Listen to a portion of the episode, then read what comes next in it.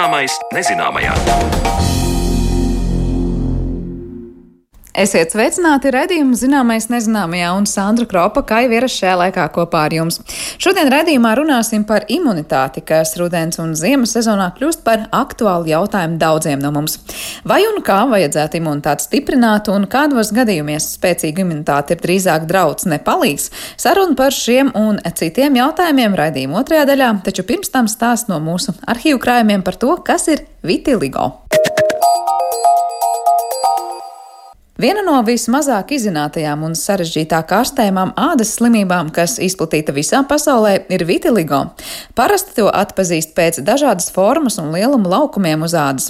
Lai gan vitiligo mēdz pievērst apkārtējo cilvēku skatienus, īpaši vasarās šī ādas pigmentācija pa īstam pierāda, ka atšķirīgais var būt skaists. Kāpēc vitiligo veidojas un kuros brīžos nepieciešams doties pie speciālista, klausieties Marionas Baltkalnas veidotajā ierakstā. Ādas hroniska saslimšana, kad tiek skartas melanocītu šūnas, tās pazūd un uz ādas veidojas balts plankums. Šīs saslimšanas nosaukums vitiligo it kā izklausās mūsdienīgs, bet patiesībā cilvēces vēsturē tā ir pazīstama sen, aprakstīta dažādos avotos un cilvēki to pat jaukuši ar lepru. Tomēr vitiligo ir neinfekcioza saslimšana un ar nošķaudīšanos to iemantot nevarēs. Tuvāk par vitiligo vēstures avotos stāsta Rīgas pirmās slimnīcas ārste dermatoloģe un veneroloģe Jolanta Purniņa. Pirmie tādi traktējumi bija budistu grāmatā 2000 gadus atpakaļ, kur pieminēja viņu kā sauc kā baltais plankums, Tad bija pieminēts arī vecajā derībā, pat, kur ādas slimības izdalīja piecās kategorijās, un viena no šīm kategorijām arī bija tie baltie plankumi.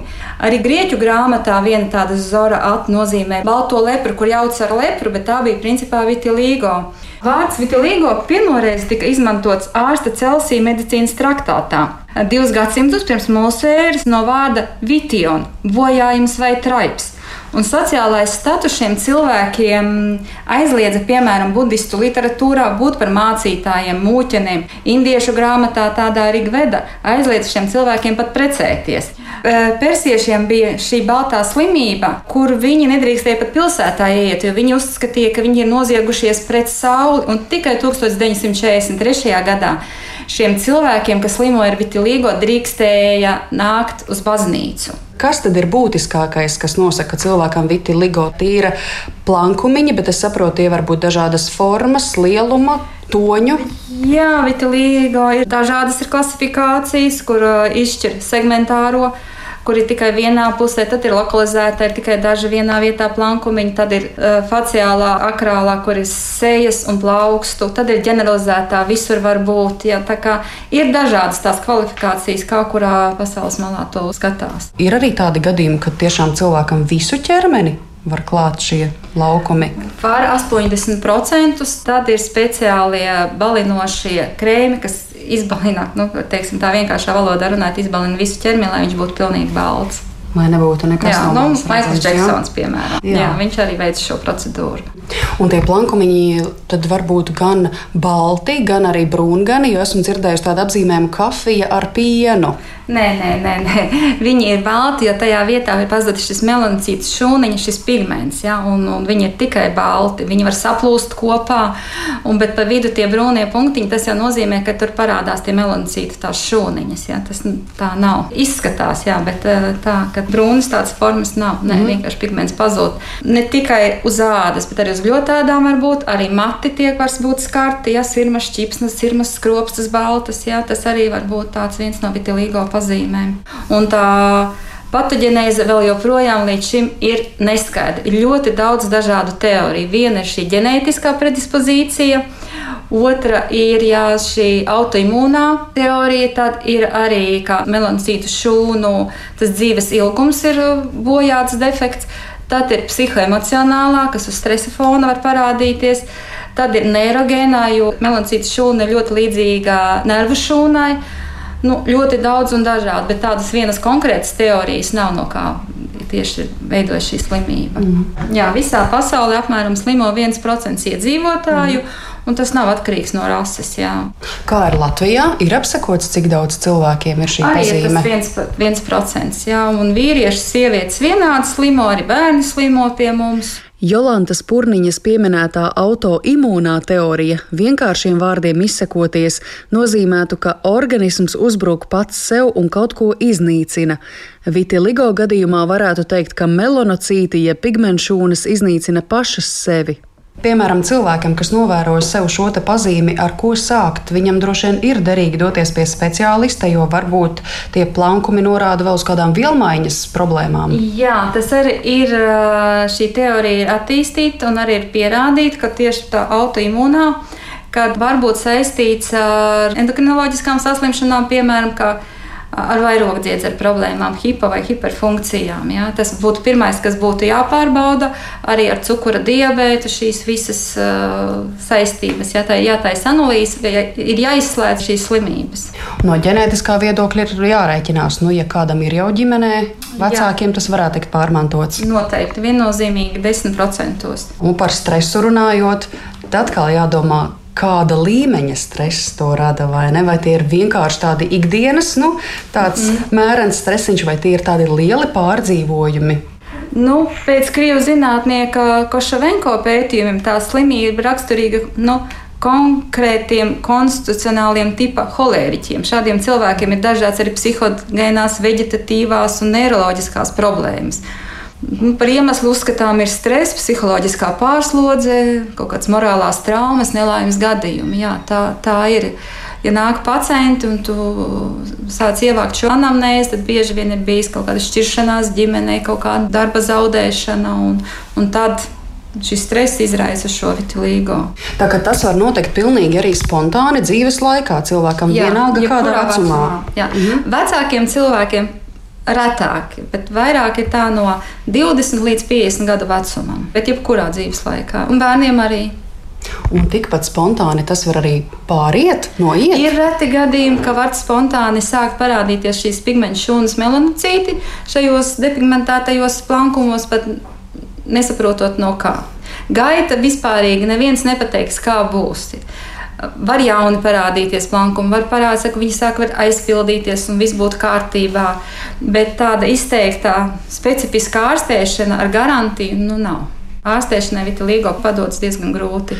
Reizēm vitiligo var mazināt pavisam nesaistīti faktori - prettuberkulozes līdzekļu vai antibiotiku lietošana. Ir daudz pēkšņu sakritību, ko pierādīt grūti.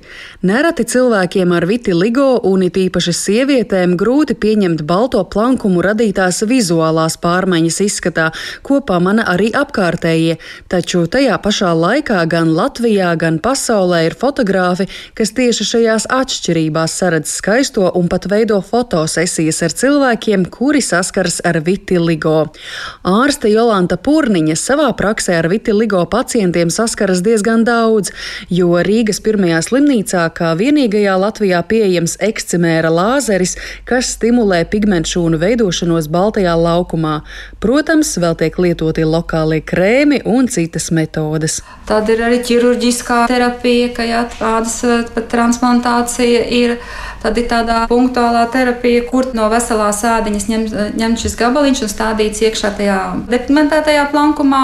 Un tad viņš tur var veidoties. Mēs esam paši mēģinājuši arī. Nu, efekts ir tīri, varbūt neko, bet vienīgais, kas pie vitilīgo jāatceras, ir tāds Kebnera fenomens, ka kur kaut kāda trauma, kur kaut kāda ķirurģiskā iejaukšanās, tad tur var parādīties šis depigmentācijas plankums. Ja, ar to ir jārēķinās. Ja, kāds noskrāpējums, ja, nobrāziens, ja, un tur izveidojās. Ka tas vēl patiesībā vairāk var sekmēt. Ja? Un kā ar apsauļošanos? Tas laikam nebūs tāds universāls risinājums. Nē, tas nebūs universāls risinājums, tāpēc ka nav šis pigments, kas aizsargā pret to sauli un notiek apdegums saucamais. Ja viņš neiesauļojas, viņš apdeg šis pacients. Viņam ir jāliek šie kārtīgi aizsardzības krēmi. Protams, ir arī Izrēlā veselas sanatorijas, kur brauc mm. pacienti un ārstēs. Un tieši ar sauli ārstēs viņiem tur tādas metodas ir. Un tie rezultāti arī tādi. Nu, visur es teikšu, kā 50 uz 50. Ja? Nu, garantija nav, ka tas, ka atgriezās šīs pigmentu šūnas, ka viņas paliks uz visu mūžu. Bet, piemēram, tā cilvēkam ikdienā mājās, nu, ja viņš mana, ka viņam ir tādi plankumiņi, tas ir pietiekami drošs uh, faktors, ka man varētu būt vitiligo, vai tomēr to speciālists nosaka pēc kaut kādas konkrētas skalas, pēc kādiem mērījumiem, ka cilvēkam tas Tādu ir? Tādu mērījumu, tādas skalas nav izstrādāts pie vitiligo. Mm. Bet, eh, protams, ir jāizslēdz arī citas, ir tā diferenciāla diagnoze. Ir jāizslēdz no sēnītēm, no citām saslimšanām, kur arī šie var būt valtie plankumi. Jā, tā kā nav mm. tā. Un, ja tā grūti to pateikt, tās lokalizācijas, protams, taisa to ādas biopsiju, skatās, jā, vai, un tad tu redz, ka šo melanocītu nav vienkārši, un viss, un tad var diagnozi pierādīt. Par neparasto ādas pigmentāciju vitiligo manai kolēģei Marionai Baltkalnē stāstīja Rīgas pirmās slimnīcas ārste dermatoloģe Jolanta Purniņa. Bet veselības jautājumiem mēs pievērsīsimies arī raidījuma turpinājumā, jo runāsim par imunitāti.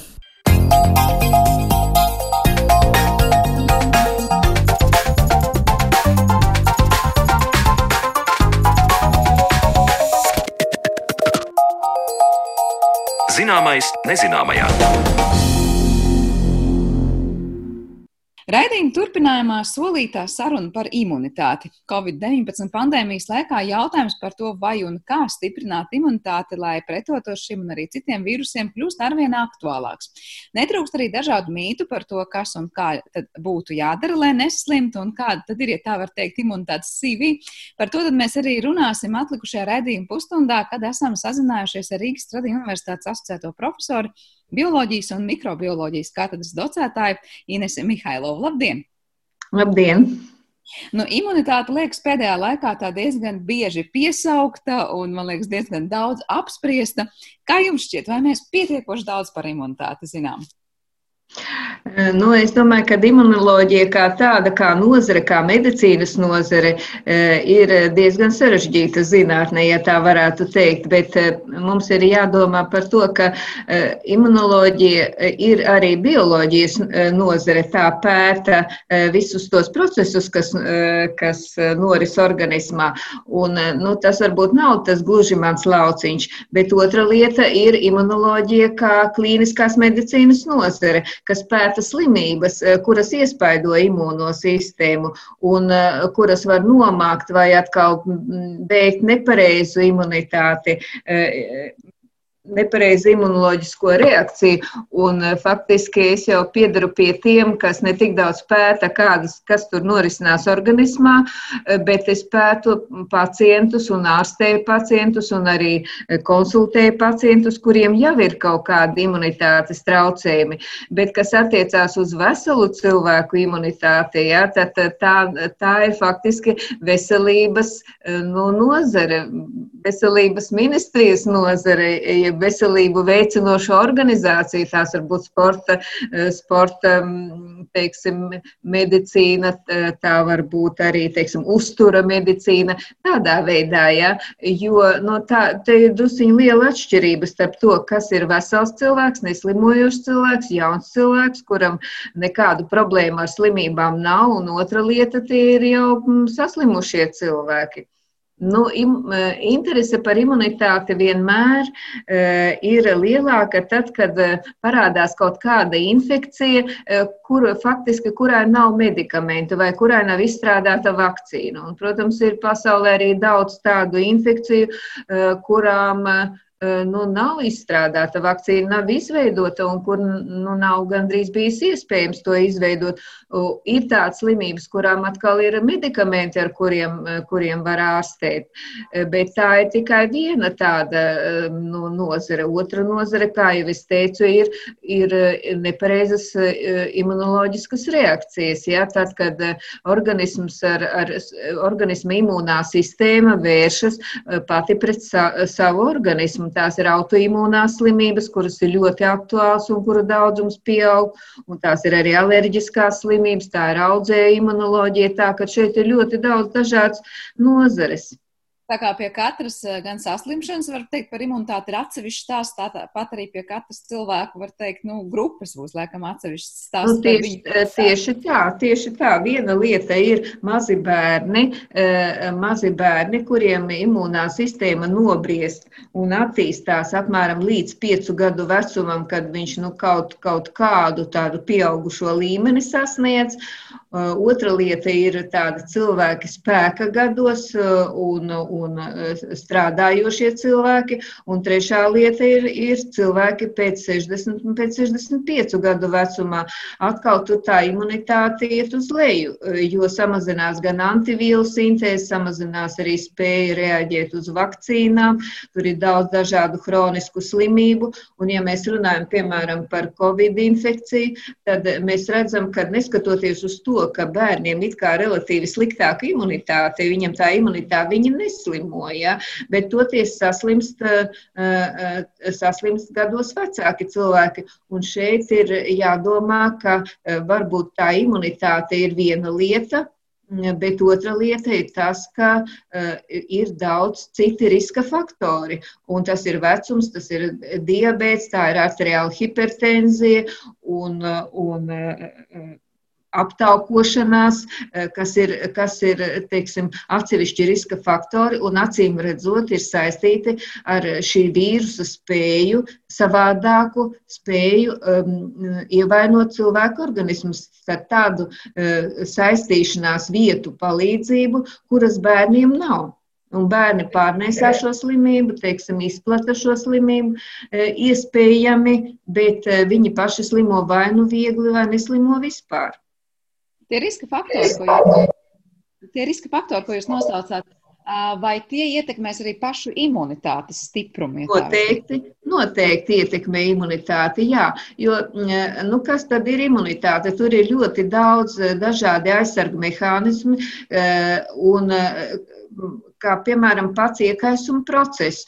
Un, ja mēs sastopamies ar kaut kādu infekciju, eh, tad eh, tāpat kā jebkurā kaujā ir kritušie. Un kritušie ir gan mikrobi, un kritušie ir arī paša saimnieka, eh, saimnieka pusē. Tas nozīmē, ka, lai mikrobi izraidītu no organismu, organisms patērē nu, ļoti daudz resursu. Un, ievaino arī pašus organismu audus. Piemēram, ja mums ir cilvēkam ir kaut kāds plaušu karsonis, bet, lai izraidītu šī plaušu karsoņa e, e, izraisītāju, iekaist plaušas, un tas ir cilvēkam rada ļoti liels problēmas, jo tūlīt viņam eh, ir mm, elpošanas traucējumi un, un eh, iekaist šie plaušu audi, kuri piepildās ar iekaisumu vielām, bet zināmā mērā tā ir aizsarga eh, reakcija, un tā, tas, tie, tie, tas ir tas organisma zaudējums.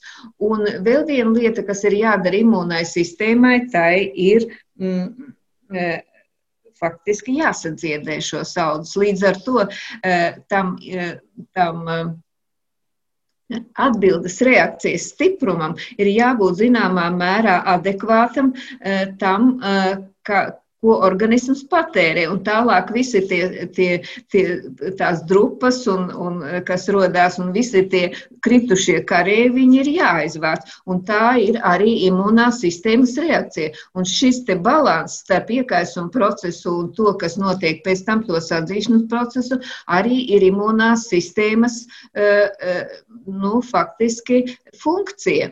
Un runājot par šiem te Covid riska faktoriem, tad tad nu, viena no tām versijām ir tā, ka šiem cilvēkiem šo receptoru, caur kuriem e, vīrus var iekļūt organismā, ir vairāk, bet otra lieta ir tas, ka mm, šiem cilvēkiem mm, ir jau tā, e, tāda zināma iekaisuma reakcija organismā, gruzdoša, neredzama. Eh, un nepamanāma. Jo, piemēram, taukaudi eh, paši par sevi jau rada tādu iekaisumu procesu, kas atkal ir sirds asinsvadu slimību riska faktors. Eh, nu, un, un, un, un faktiski varbūt arī tas ir viens no iemesliem, ka Covid rada vēl papildus lielu stresu šiem. Nu, tad otra lieta, mēs zinām, ka nav jau imunitāte vienīgais, kas, kas ievaino cilvēku šādas epidēmijas laikā, jo mēs redzam, ka daudzās valstīs pirmām kārtām nomira tieši pansionātos cilvēki. Ja? Tātad ir tas lipīgums un tas, ka daudz uh, cilvēku ar novājinātu imunitāti atrodas kopā vienā vietā. Tas arī ir tas faktors. Nu, tā ir tā. Kā imunitātes tiešām ir zema imunitāte, tā ir tādas atvērtās durvis eh, vīrusu infekcijām, kas saka, nākt un darīt visu, ko tam ienāk prātā. Jūs piesaucat, protams, tādus lielus gadījumus, kā tur Covid infekcija vai, piemēram, nu, tās plaušu iekaisums, bet par to dziedēšanu runājot. Vai tā ir tiesa, ka cilvēks pat savā ikdienā var ļoti labi sev pārbaudīt, ja, piemēram, tāda tur skrāpējuma vai kaut kādas mikrotraumas uz rokām vai citur ķermenī ātri sadzīst? Tas nozīmē, ka ar viņu imunitāte viss ir kārtībā. Nu, tas tomēr nav tik vienkārši, jo, saprotiet, ir, ir tā, vai ne, ka imunitātei ir ļoti daudz mehānismu. Tāpat kā ir daudz mikrobu, ir vīrusi, baktērijas, ir sēnītes, ir parazīti. Uh, un pret katru no šiem uh, mikrobiem cīnās cits imunitātes posms. Un, uh, faktiski ļoti lielā mērā imunitāti ietekmē tieši ģenētiskie faktori. Jo ir cilvēki, un pat ir ģimenes, kuri, piemēram, slimo ar tuberkulozi. Tātad viņiem ir tāds, eh, tāds ģenētisks nu, caurums, defekts, ja, kurš nenodrošina pietiekoši labu imunitāti pret tuberkulozi. Ir cilvēki, kuri vairāk slimo ar vīrusu infekcijām, ir tādi, kuri ar bakteriālām, un ir tādi, kuriem būs tie sastrutojumi. Saprotiet, tur ir, teiksim, tās baktērijas, kas atrodas uz ādas un iekļūst cilvēku organismā iekšā, tās ir baktērijas, bet jūs var, jūs var labi sadzīt visu kaut kas, ja, bet tāpat laikā jums var vairāk būt vīrusu infekcijas biežāks. Jūs saprotat, katram ir savs nu, zināms imunitātes defekts.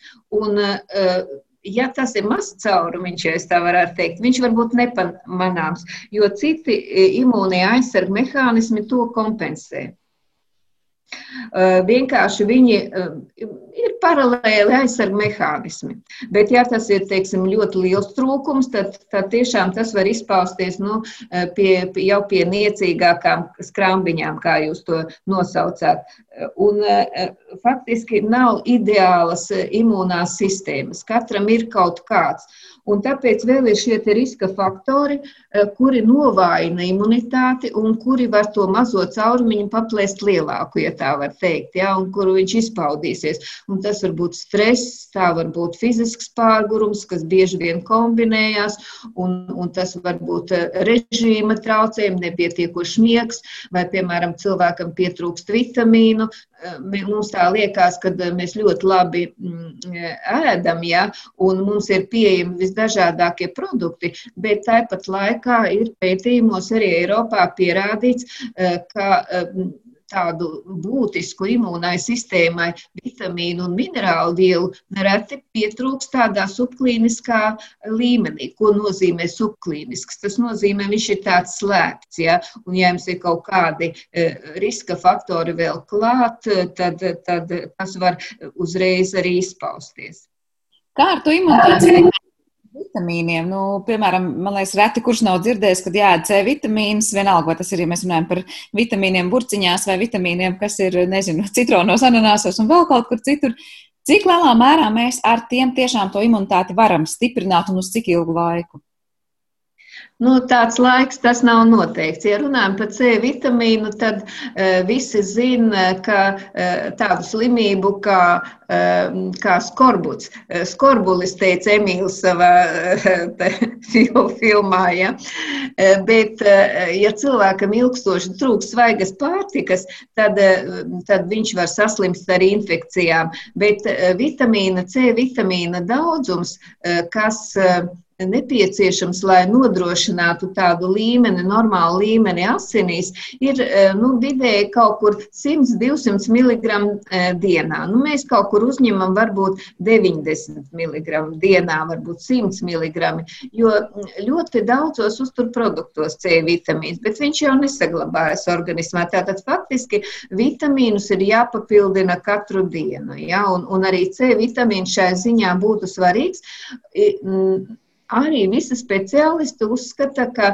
vitamīni un minerālu vielas, kas ir organiskas dabas, to, ko mēs uzņemam ar uzturu, uzsūcās labāk. Bet liekais atkal ir nu, dažos gadījumos, ja teiksim, uzkrājumi neveidos, liekais vienkārši tiek izvadīts vai netiek uzsūkts. Tātad, respektīvi, jāēd ļoti daudzveidīgs uzturs, lai mēs papildinātu tos visus vitamīnus. Bet, protams, ir tādas situācijas, kaut kāds stresa apstākļi vai lielāka slimība, uh, kur uh, tas C vitamīna līmenis strauji krīt. Un, un ticiet, man ir tādi pacienti, kas atnāk, nu, es teiktu, noslimojušies ar ļoti smagām slimībām, kurām bijušas kaut kādas smagas infekcijas, ir bijušas operācijas, ja, tur ir tā, par to atkal jādomā. Un atkal tādas situācijas, kad mm, ir samazināta biopieejamība. Ko tas nozīmē? Ka organisms nespēja uzņemt tos vitamīnus, un tā biopieejamība atkal ir ģenētiski determinēta, ģenētiski noteikta. Un dažādās populācijās viņi ir dažādi. Es jums minēšu piemēru, ka piemēram D vitamīna uz biopieejamība spēja to izmantot, ja, vai nu no uztura vai no saules, ir samazināta somiem un tikpat samazināta arī spāņiem. Bet abas populācijas atšķirās ar to, ka, piemēram, Somi papildina, vispār Skandināvijā tas ļoti raksturīgi, ka viņi dod papildus gan cilvēkiem pansionāt, gan visādi veicina. Viņiem arī zivju produkti ir daudz uzturā, bet Spāņi to nedara. Ja? Un, un līdz ar to, ka izpētīja Eiropā, kuriem ir zemāks mm, A vitamīna un D vitamīna līmenis, tad atrada, ka, ka tas ir zemāks spāņiem, kuriem it kā ir saule un kur, kur lielāko daļu vitamīnu viņi varētu būt spējīgi uzņemt. Ja? Bet lūk, šī nosacītība, tā, tā, tas, kas viņiem ir gēnos, ka viņi to D vitamīnu izmanto sliktāk nekā, eh, nekā varbūt cita, cita populācija. Tā ir tā lieta lieta. Otrakārt, nu, ir dažādi, dažādi arī uzturprodukti. E, citreiz mēs sajaucam tos uzturproduktus tā, ka, ka, ka veidojās vielas, kuras pasliktina to, to uzņemšanu. Tātad slimības, biopieejamība, ģenētika un, un, un, kā, un tā un barības uzturvielu kvalitāte. Bet kura vitamīna būtu būtiskākie imunitātes stiprināšanai? Eh, nu, Eiropas pētījumi parāda, ka, eh, ka tātad, eh, es varētu teikt tā, ka nav tādu vitamīnu, kuri nebūtu svarīgi. Jo būtībā, nu, kas tad imunitāte, tie ir ļoti, ļoti daudzveidīgas organisma reakcijas. Ja? Kas tad, kam tad ir jābūt? Šūnām ir jādalās, jāveido tāds liels šūnu klonus. Šūnām ir vajadzīgas barības vielas, kā olbaltumvielas. Ir vajadzīgi e, enzīmi, e, enzīmi, kuri darbojas pret šo iekaisumu procesu. Ja? Tātad faktiski ir svarīgi visi vitamīni, bet e, nu, tie vitamīni, kuri ir īpaši tiek pasvītroti, ja? tas ir A vitamīns, D vitamīns, C vitamīns un B grupas vitamīni, B6, folāti, arī B12. Ja? Tātad, lūk, šie vitamīni tiek uzskatīti par tādiem vitāliem ja? cilvēku organisma e, imūnām reakcijām. Un e, no minerālu vielām tas ir cinks, selēns, varš, e, cinks ar varu kopā darbojās tādā veidā. Ja. Tā kā ļoti daudzveidīgam un sabalansētam jābūt tam pašam vitamīnu un minerālu vielu kompleksam, lai, lai mēs būtu ar imunitāti tiešām mums būtu kārtībā. Kā ar tiem gadījumiem, kad imunitāte strādā nu pārlieku daudz, un, un pēdējā laikā dzird arī runas, ka mēs varbūt pārlieku daudz gribam stiprināt to savu imunitāti, ka nevienmēr tā ir jādara. Kāds ir jūsu viedoklis? Pār, pārlieku daudz stimulēt nevar. Ja. Cita lieta, nu, tas ir vāja imunitāte, pārāk stipra imunitāte. Eh, nu, tas nav varbūt tik, tik pareizs eh, jēdziens. Ja. Respektīvi, ja imunitāte ir pārāk vāja, mēs to saucam par imundeficītu. Tā ir situācija, kad cilvēks slimo. Um, ar, eh, biežāk ar infekcijām. Ja? Nu, piemēram, ja jūs slimot ar saaugstēšanās, ar augšējā apceļu infekcijām, iesnas, kakla sāpes, nu, tās varētu būt 3-4 eh, reizes gadā pieaugušam cilvēkam. Un, ja tur atkal ir citi infekciju veidi jau dziļāki, tad mēs runājam par imūndeficītu. Kas ir pārmērīgi stiprā imunitāte, tāda jēdziena praktiski nav. Mēs runājam par slimībām ar nepareizu imūnās sistēmas regulāciju. Ja? Tātad ir speciāli mehānismi, kas nobalansē e, adekvātu imūno atbildi, un tā ir, tās ir autoimūnās slimības un alerģiskās slimības. Un šeit, e, šeit vainīgi varbūt nav e, tik daudz, ka jūs kaut ko paši darat. Atkal šeit ir vainīga ģenētika un apkārt apkārtējās vides faktori. Ja? Viena no tām teorijām ir tā sauktā higiēnas teorija, kad mums vairs nav tārpu, un mums nav organismā, un mums nav bakteriālu infekciju pietiekoši. Ja? Jo no tā ir atkarīga tā arī tā mikroflora, kas mums ir iekšā un, un uz mūsu organismu. Tātad var teikt, ka neliela netīrība stimulē imunitāti un pareizu imunitāti. Un rietumu sabiedrībā ļoti strauji pieaug uh, autoimūno slimību uh, daudzums, ja? jo daudz ķimikāliju tiek lietots, daudz sterila uztura, kas nav pūdēts, raudzēts un, teiksim, pārlieku tīrā tā vide, ja? ka, teiksim, tā mikroflora, kas mums ir apkārt un iekšpusē, tiek iznīcināta.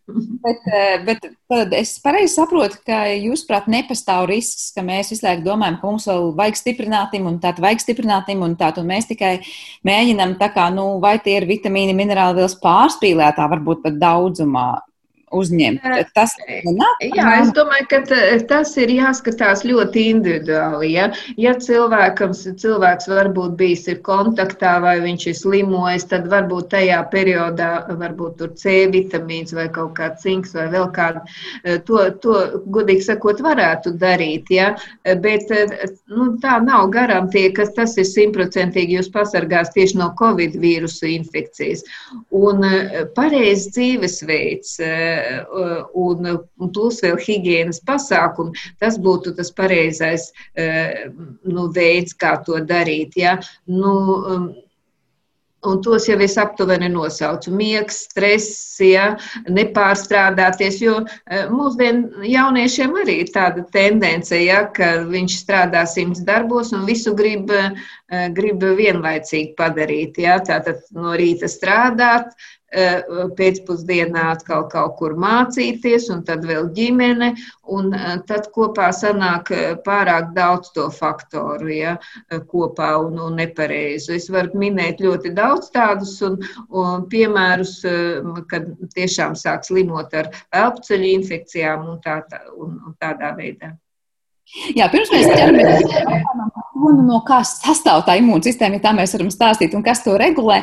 Vēl viens jautājums par tiem imunitātes stiprināšanas līdzekļiem, arī nu, tie tautas saucamie līdzekļi, tur ķiploki un staigāt un rūdīties basām kājām kaut kur vai konkrētie augi, augu tinktūras, kas ir mums apkārt. Kā jums liekas, vai, vai tur visam ir pamats? Un, jo dažkārt saka, nē, nav nekāda pierādījuma tam, ka ķiploks palīdz. Savukārt pēc tam ir virkni cilvēku, kas saka, nē, pilnīgi otrādi. Ķiplokam ir efekts tajā, kas palīdz mums nesaslimt. Kā jūs uz tiem visiem tautas līdzekļiem raugāties? Nē, nu, jūs saprotiet, ja es esmu zinātniskās medicīnas pārstāvis, tad, tad es ķiplokus neesmu pārbaudījis zinātniskā veidā. Bet, saprotiet, te ir balans starp ļaunumu un labumu. Ja? Ar ķiplokiem sev noteikti ļaunumu eh, sev nevarat nodarīt. Vai viņš palīdzēs, tas ir cits stāsts. Arī tāpat ar to norūdīšanos. Tā ir ļoti laba metode, ja? bet jūs ziniet, ka ir saslimušie cilvēki, kas ļoti labi rūdījušies un kas ir āliņģī peldējušie. Ja? Tā ka tās ir faktoru kopums, var teikt, ne, nelaimīgu faktoru kopums, kas neļauj cilvēkam varbūt eh, nesaslimt vai, vai izdzīvot smagā situācijā situācijā. E, tā ka, un ķiplokus neviens nepētīs. Ja? Es neesmu pret tiem, jo ļoti daudz dažādu. Mēs zinām, ka cilvēki ir ārstējušies gadsimtiem ar dažādiem augu valsts līdzekļiem, un mēs zinām, ka dabā ir katrai vielai ir pretviela. Ja, un, un, un katram toksīnam ir antitoksīns. Ja. Tāpat kā, piemēram, ir, ir, ir tā, tie paši probiotiskie mikrobi, kas ir bijuši uz augļiem un ar ko, teiksim, senās ciltis ar ārstēšu caurēji. Ja.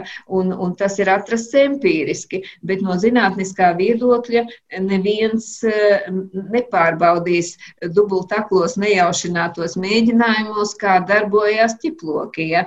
Tāpēc eh, augu, augu valsts eh, preparātiem un imun, eh, imunitātes veicinātājiem viņi noteikti darbojās. Tikai tas nav pierādīts tādā zinātniskā līmenī. Vai, vairums pētījumi ir tādi, nu, novērojumu pētījumu. Ja paņemta viena cilvēku grupa, varbūt salīdzināt ar kaut kādu kontrolas grupu un redzēt, vai viņi tur biežāk slimo vai neslimo. Bet eh, nevienam cilvēkam jau nav liekts, eh, liekts eh, lietot šādus līdzekļus, ja viņ, viņš tic tam kvēli, jo placebo efektam arī ir, ir, ir liela nozīme. Nu,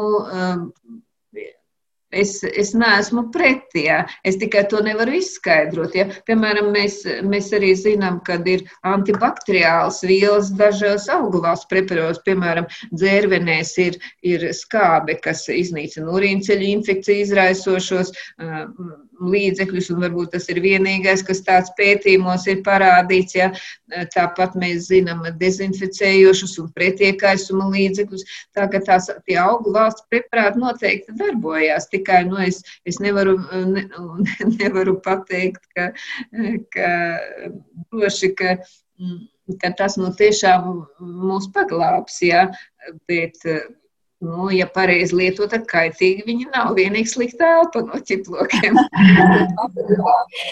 Bet kāda imūna sistēma, kā tā darbojas? Ja tā var teikt, vai varat to izstāstīt pilnīgi cilvēkiem no malas? Jo, ja mēs iedomājamies nervu sistēmu, mēs domājam par smadzenēm, par nerviem un tādiem orgāniem. Kā ir ar imunitāti? Kur mūsu organismā, kas to regulē un kas tad panāk to, ka kaut kādas lietas nu, mūsos tiek, kā saka, tie ienācēji no, izvadīt no organismā ārā?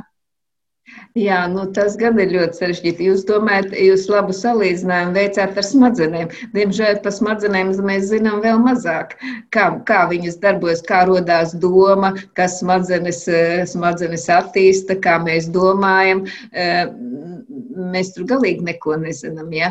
Tikai es varētu teikt, ka organismā ir trīs lielas regulējošās sistēmas, kas darbojās cieši kopsakarā. Tā ir nervu sistēma, kas ietekmē ar imunitāti, jo, piemēram, regulējošās vielas uh, ir arī tie paši receptori uz, ir uz imūnām šūnām. Ir endokrīnā sistēma un imūnā sistēma. Uh, bet, ja jūs domājat imūno sistēmu aptaustīt, tad, tad, tad varētu teikt, ka e, imūnā sistēma ir viss organisms. Ja? Piemēram, ja jūs pati teicāt, ja jūs saskrāpējat tādu, ko tas nozīmē, āda ir aizsardbarjera, uz tās ir e, taukvielas, uz tā ir, tā ir teiksim, normālā mikroflora, un ja jūs ādu neievainojat, tad jums āda neiekaist, bet ja jūs to to, to darat, tad uzreiz tas mikrobs tur nokļūst dziļāk iekšā. Tātad ir faktiski imūnai sistēmai ir ārkārtīgi daudz komponentu.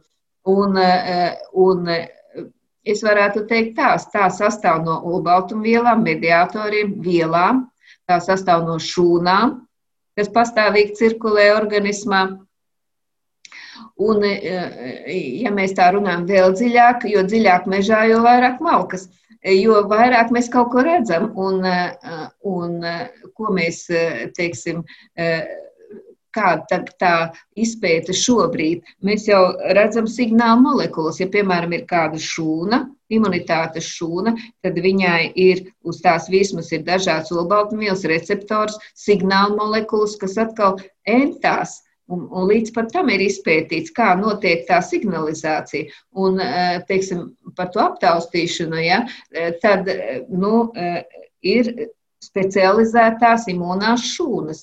Ir, piemēram, Baltijās ķermenīši, kas apēd mikrobus fagocitozi, kas realizē iekaisumu procesu. Tad ir specializētās, specializētie T limfocīti, kas atkal dalās vēl sīkākās subpopulācijās, tā sauktajās, tur ir līdzētās šūnas un killeri, galētās šūnas, un tur ir regulētās šūnas, un katrai savas pazīmes. Īstenībā mēs varam ar parastajā asins ainā šīs šūnas ieraudzīt. Mēs varam. Šūnas tad arī dzīvo, var teikt, mūsu asinsritē. Jā, viņas tur dzīvo, tikai es to gribēju turpināt. Eh, viņas faktiski asinsritē eh, vienkārši cirkulē. Ar asinīm un ar limfu viņas eh, cirkulē pa visu organismu. Bet lielākā daļa no imunoloģiskām reakcijām notiek tā sauktajos limfoīdajos audos. Tie ir limfmezgli, liesa, kas ir lielā, viens no lielākajiem limfoīdiem audiem, un zarnās. Tā ir tā atkal arī apceļos ir imūnā sistēma un, un, un zarnas, kuras ir ļoti garas un lielas, ja tur ir ļoti daudz limfoīdu audu. Un starp šiem limfoīdiem audiem šīs šūniņas cirkulē savā starpā. Un viņas var būt mierīgas, Bet, ja nāk kaut kāds ienaidnieks, viņš, viņi veido veselu karapulku, viņi veido tādu nu, klonu, tā saukto ļoti daudz. Viņi dalās ātri, ja, un, un, tad, un kad viņas aktivējās, tad viņas izdala tās bioloģiski aktīvās vielas mediātorus, citokīnus, ja, kuri atkal iedarbojās uz citām imunitātes šūnām. Tad viņi tur aktivē vienu vai otru un tā tālāk. Ja. Nu, tā tad, Faktiski es varētu teikt tā, ka imunoreakcija izpētē ļoti lielu ieguldījumu deva HIV vīrusu infekcija.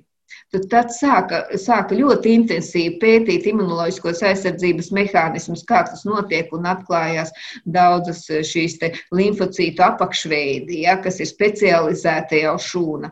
Un tagad tas pats notiek ar covid. Ja. Ļoti intensīva notiek tā imūnoreakcija izpēta, cik tur antivielu, kāpēc viņas dažiem veidojas, kāpēc viņas dažiem neveidojas. Ja. Un atkal tiek atklāti kaut kādi, kaut kādi mehānismi. Ja. Tātad, nu, tā kopumā ņemot, eh, tad es varētu teikt, ka ir limfoīdi orgāni, ir asins un limfa, caur kuriem šie imūnās šūnas eh, cirkulē, un līdz ar to tās var sasniegt eh, visu organismu. Un tad ir šo imūno šūnu produkti. Nu, viens no šiem produktiem, kas arī sintēzēs liesā, līmpmazglos, zarnās ir imūnoglobulīna, jeb antivielas, ja, tās, kuras var tiešā veidā jau saistīt vīrusus, var saistīt baktērijas un, un, un, un, un, un neutralizēt un izvadīt. Ja. Tā kad, nu, ja tā mēs lielā mērogā kopumā runājam par to, tad tā ir viss organisms, ir imūnā sistēma. Acīs arī ir imūnvielas, jā, acu sekrētā. Ja, tur arī ir, ir bakteriocīdas vielas. Ko tas nozīmē? Tātad jau, jau gļotādās ir vielas, kas iznīcina baktērijas. Kuņģi aiziet baktērijas bojā, ja? tad mums ir normālā mikroflora, kas ir uz ādas, ir ļoti daudz zarnās, kurā, kura ir darbos pret, antagonizē to, tos, tos patogēnos, sliktos mikrobus. Ja? Tā ka nu, nu, tādā veidā tā, ka, nu, aptaustīt mēs varam, bet visgrūtāk ir interpretēt. Ja? Teiksim, nu, tie mehānismi, kas notiek, tie jau nav tikai izmēroti. Ja? Mūsdienu cilvēki ļoti domā, ka, ja viņam neuztaisa magnētisko rezonanci, tad ārsts nezina, kas ar viņu notiek. Bet eh, šeit ir daudzu faktoru kopums. Mēs redzam, eh, vai cilvēkam attīstās kaut kāds iekaisuma process, kur viņš attīstās, kādas ir tās izpausmes. Mēs daudz faktorus varam izpētīt un uzzināt, un jāsaliek to visu kopā ar tiem simptomiem. Tā ir tā, tā diagnoze, kas, kas ir. Bet nevis tā, ka mēs kaut ko izmēram, ja jā, tur ir, tur ir viss kārtībā tajos parametros, bet cilvēks tik un tā slimo. Ja? Tā arī var būt. Te jautājums liekas par to, cik daudz mēs zinām vai nezinām par imunitāti, jo tas, ko jūs teicāt, ja tas ir patiesībā viss organisms, tad tur vēl jo jautājumu vairāk un atbilžu tiešām vēl daudz ko meklē, tad, tad es jā. pieņemu, ka imunitātes studijās vēl ir ļoti daudz darāmā. Liels es domāju, ka jā. Jā, es domāju, ka jā, jo medicīna ir, nav precīza zinātne. Jā, vispār kopumā, ja mēs runājam par, arī par aizsargu mehānismiem, un es domāju, ka būs vēl ļoti daudz atklājumu. Jā, tas ir tikpat kā pētīt kosmosu, jā, kurā ir daudz zvaigžņu, un daudz kas tiek, tiks atklāts. Jā, un, un mēs ļoti daudzas iedomājamies, ka tas notiek tā, bet izrādās, ka beigās pavisam kaut kā savādāk, ja, jo, nu, tas tiesa mūs gaida vēl jauni atklājumi, tāpēc, tāpēc tā ir ļoti interesanta nozara. Paldies jums par šo sarunu. Dzirdējām Rīgas Tradiņu universitātes asociēto profesoru un bioloģijas un mikrobioloģijas katedras docētāju Ines Mihailovu šodien mūsu attālinātajā raidījuma studijā. Paldies arī visiem, kas klausījāties un uz tikšanos!